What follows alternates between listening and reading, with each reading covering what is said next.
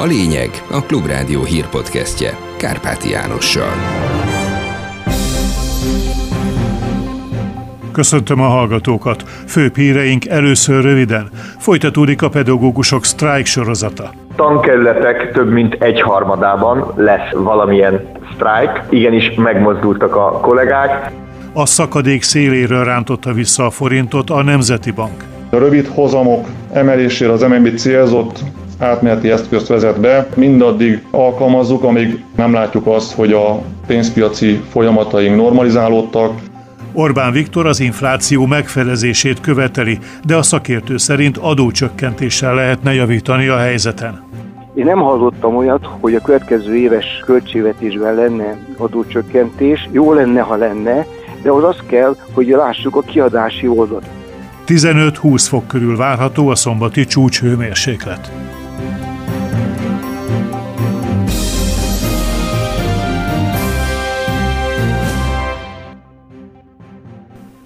És most a részletek. Folytatódik a pedagógusok sztrájk sorozata. A szakszervezetek követeléseit pontosan egy éve fogalmazták meg, a mai munkabeszüntetés pedig az egy héttel korábbi hasonló akciót követi. Emellett figyelemfelhívó demonstrációk zajlanak országszerte. Budapest mellett több tucat városban tartanak valamilyen tüntetést. A fővárosban számos flashmobot, élőláncot szerveztek már a diákok, tanárok részvételével. A Madás gimnáziumban rendkívüli tanítási szünetet is elrendeltek. Szintén Budapesten a Deák térre rendhagyó aláírásgyűjtést hirdettek, majd késő délutánra a Hősök teréről a belügyminisztériumhoz történő vonulás szerepelt a programban. Vidéken egyebek mellett demonstrációt hirdettek meg Miskolcon, Szombathelyen, Zalaegerszegen, Tatabányán, Győrött, Szentendrén és Kaposváron is. A tankerületek harmadában biztosan sztrájkolnak, a kis településeken pedig azért nem, mert a pedagógusok félnek a retorziótól, nyilatkozott a Klubrádiónak a pedagógusok szakszervezetének az alelnöke, aki szerint a sztrájk mellett éppen ezért fontosak a demonstrációk és a tüntetések. Gosztonyi Gábor úgy véli, hogy a kormánynak pontosítania kell a számokat a béremelésről szóló ígéretekben. Fontos, hogy az oktatás többi problémájáról is egyeztessenek a szakszervezetek és a szakma képviselőivel tankerületek több mint egy harmadában lesz valamilyen sztrájk. Igenis megmozdultak a kollégák. Ezen a mai napon sem lehet csak a sztrájkra leszűkíteni. Most már egyre több kisebb városban, településen is élőlánccal, flashmobbal, énekléssel indították el a tanítást. Délután is számtalan helyen lesz még egyéb esemény. Ez a gördülő sztrájk, ez működik. Az, hogy a kis településeken, ahol mondjuk ilyen négy-öt fős nevelőtestületek vannak, és tényleg mindenki mindenkit ismer, arról nem beszélve, hogy még ez a nyomorúságos bér is mondjuk egy közmunkás javadalmazásához képest egy vágyott és biztos fizetés, ott nyilván a kollégák teljesen nyíltan nem fognak merni kiállni, mert akkor őket ott atrocitás fogja érni. Majdnem 300 oktató vesz részt az eltén a polgári engedetlenségi akcióban. Összesen 284-en írták alá a támogató nyilatkozatot, amelyel csatlakoznak a közoktatásban dolgozók tiltakozásához. A dokumentumban kifogásolják az eddigi elbocsátásokat és mások félelemben tartását. A közoktatásban, valamint az állami fenntartású felsőoktatásban alkalmazott bértáblát, de nem értenek egyet azzal sem, hogy egyetemi oktatókkal való konzultáció konzultáció nélkül változtatták meg a felsőoktatási felvételi rendszert. Azt ígérték, hogy a polgári engedetlenség részeként oktatói és adminisztratív feladataikat ezentúl csak korlátozottan látják el. A szakadék széléről húzta vissza a forintot a jegybank most bejelentett rendkívüli kamatemelése. Az MNB az eddigi 15,5%-ról 25%-ra emelte az egynapos hitel kamatfolyosójának a felső szélét. Átmenetileg az egynapos betéti gyors tender kamata 18%, míg az úgynevezett egynapos swap tender kamata 17% lesz. Eközben az alapkamatot változatlanul hagyták. A majdnem 434 forintos eurómélyponthoz képest kora délelőtt csak nem 20 forintot szépített a hazai fizetőeszköz, de azóta már visszafordult és megint gyengült valamelyest. Virág Barnabás, az MNB alelnöke rendkívüli tájékoztatóján bejelentette, hogy a jegybank a forintot ért spekulatív pénzpiaci környezetben is biztosítja az év végéig az energiavásárláshoz szükséges devizaforrásokat. Nem nézhetjük tétlenül, hogy ez a két hatás összekapcsolódva az alacsony inflációs környezet középtávú elérését veszélyezteti. Tehát az év végéig a jegybank biztosítja az energiaszámla kifizetéséhez szükséges deviza döntő részét. Fölvesszük a kapcsolatot az energiaimport meghatározó szereplőivel, annak érdekében, hogy egy egészségesebb devizapiaci keresleti kínálati viszonyok alakuljanak ki. Az alapkamat 13%-os szintje továbbra is azt látjuk, hogy képes kezelni a fundamentális inflációs folyamatokat. A gyorsan változó háborús környezetben is markánsan tudunk reagálni a kockázati felárak változására. Tehát az fog történni, hogy a rövid hozamok emelésére az MNB célzott átmeneti eszközt vezet be, egy egynapos gyors tendert írunk ki, aminek a kamata 18%. Folytatódnak az egynapos devizalikviditást nyújtó swap eszközeink, ahol a kamatozás pedig 17% lesz. A betéti kamatok emelése ortodox megoldás, és valóban fékezheti az inflációt is. Az viszont unortodox lépés, hogy az MNB devizatartalékának terhére lehet majd az energiaszámlákat kifizetni, mondta Bot Péter Ákos korábbi egybankelnök a Klubrádiónak. Szerinte ez utóbbi döntésnek is lehet pozitív következménye.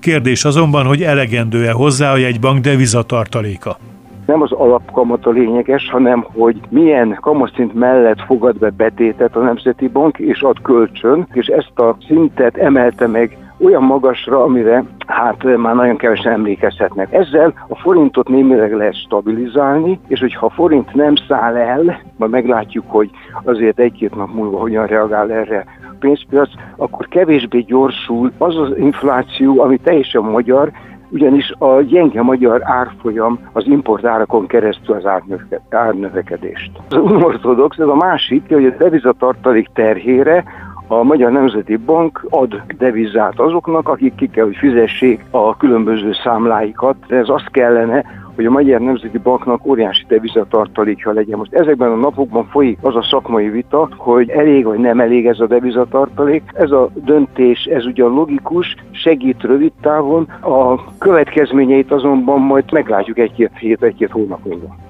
A miniszterelnök az elszabadult infláció megfelezésére kérte a Nemzeti Bank elnökét és utasította pénzügyminiszterét a jövő év végéig.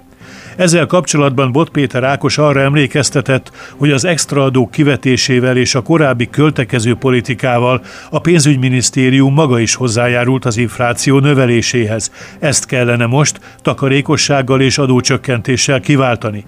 Bot Péter Ákos szerint a magas infláció miatt több országban is jelentettek be adócsökkentést, ami a növekvő adóbevételek miatt nem terheli jelentősen a költségvetéseket.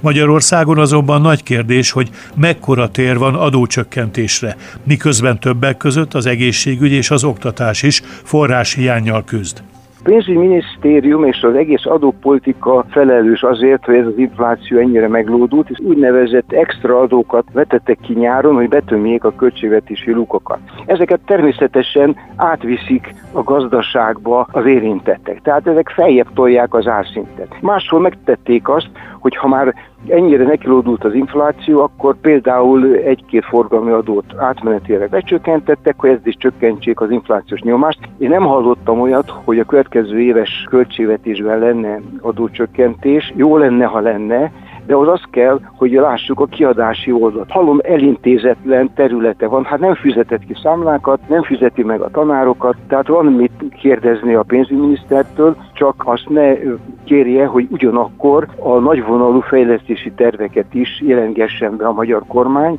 mert az mind pénzbe kerül. Megerősítette az igazságügyi miniszter is, hogy december 19-ig meghosszabbítják az uniós pénzek lehívásához szükséges eljárásban lefektetett határidőt. Varga Judit a magyar vállalások szakmaiságával és hatékony megvalósításával magyarázta a tagállami szakminiszterek döntését, ami szerinte lehetőséget ad arra, hogy a folyamat sikeresen lezáruljon. Ez nem csak a törvények elfogadását és hatályba lépését jelenti, hanem a végrehajtásukat is, különös tekintettel az integritás hatóság felállítására, közölte.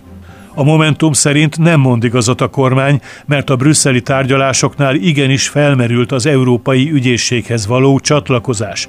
Sőt, még most is napi renden van. Erről a költségvetésért felelős uniós biztos tájékoztatta az ellenzéki párt EP képviselőjét. Johannes Hahn azt mondta Cseh Katalinnak, hogy rengeteget beszéltek erről a magyar féllel, miközben a Fidesz állítja, hogy sose volt szó róla. A Momentum politikusa hozzátette, hogy ennek tükrében érthetetlen, miért van szükség egy teljesen új hatóság létrehozására, amelynek ugyan még a létrehozó törvényét sem fogadták el, de a vezető testület tagjait már elkezdték verbuválni.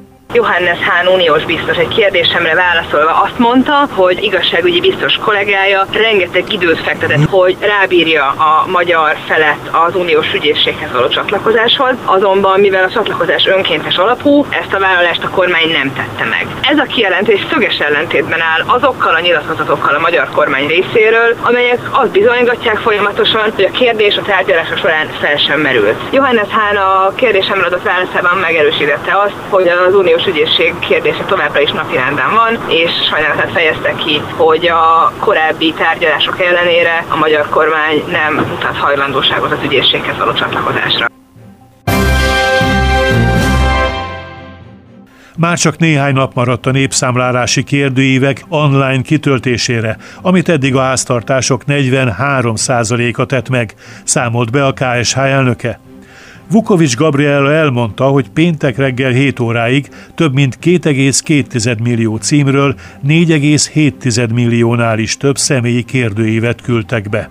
A megyék közül Győrmoson-Sopronban a legmagasabb a kitöltési arány, csak nem 49% kal amit Pest és Fejér megye követ 1-2 százalékos lemaradással. A népszámlálás 14. napjánál tartunk. Ez azt is jelenti, hogy már csak három nap van arra, hogy kitöltsük a népszámlálási kérdőíveket online. Vasárnap éjfélig van erre lehetőségünk, Kérem, hogy ne halogassák, nem érdemes halogatni, minél hamarabb túlesünk rajta, annál hamarabb érkeznek be az adatok a KSH rendszerébe. Aki nem tud élni, vasárnap éjfélig ezzel a lehetőséggel, a számláló biztosok fogják felkeresni azokon a címeken, ahonnan nem érkezett be kérdőív a mi online rendszerünkbe.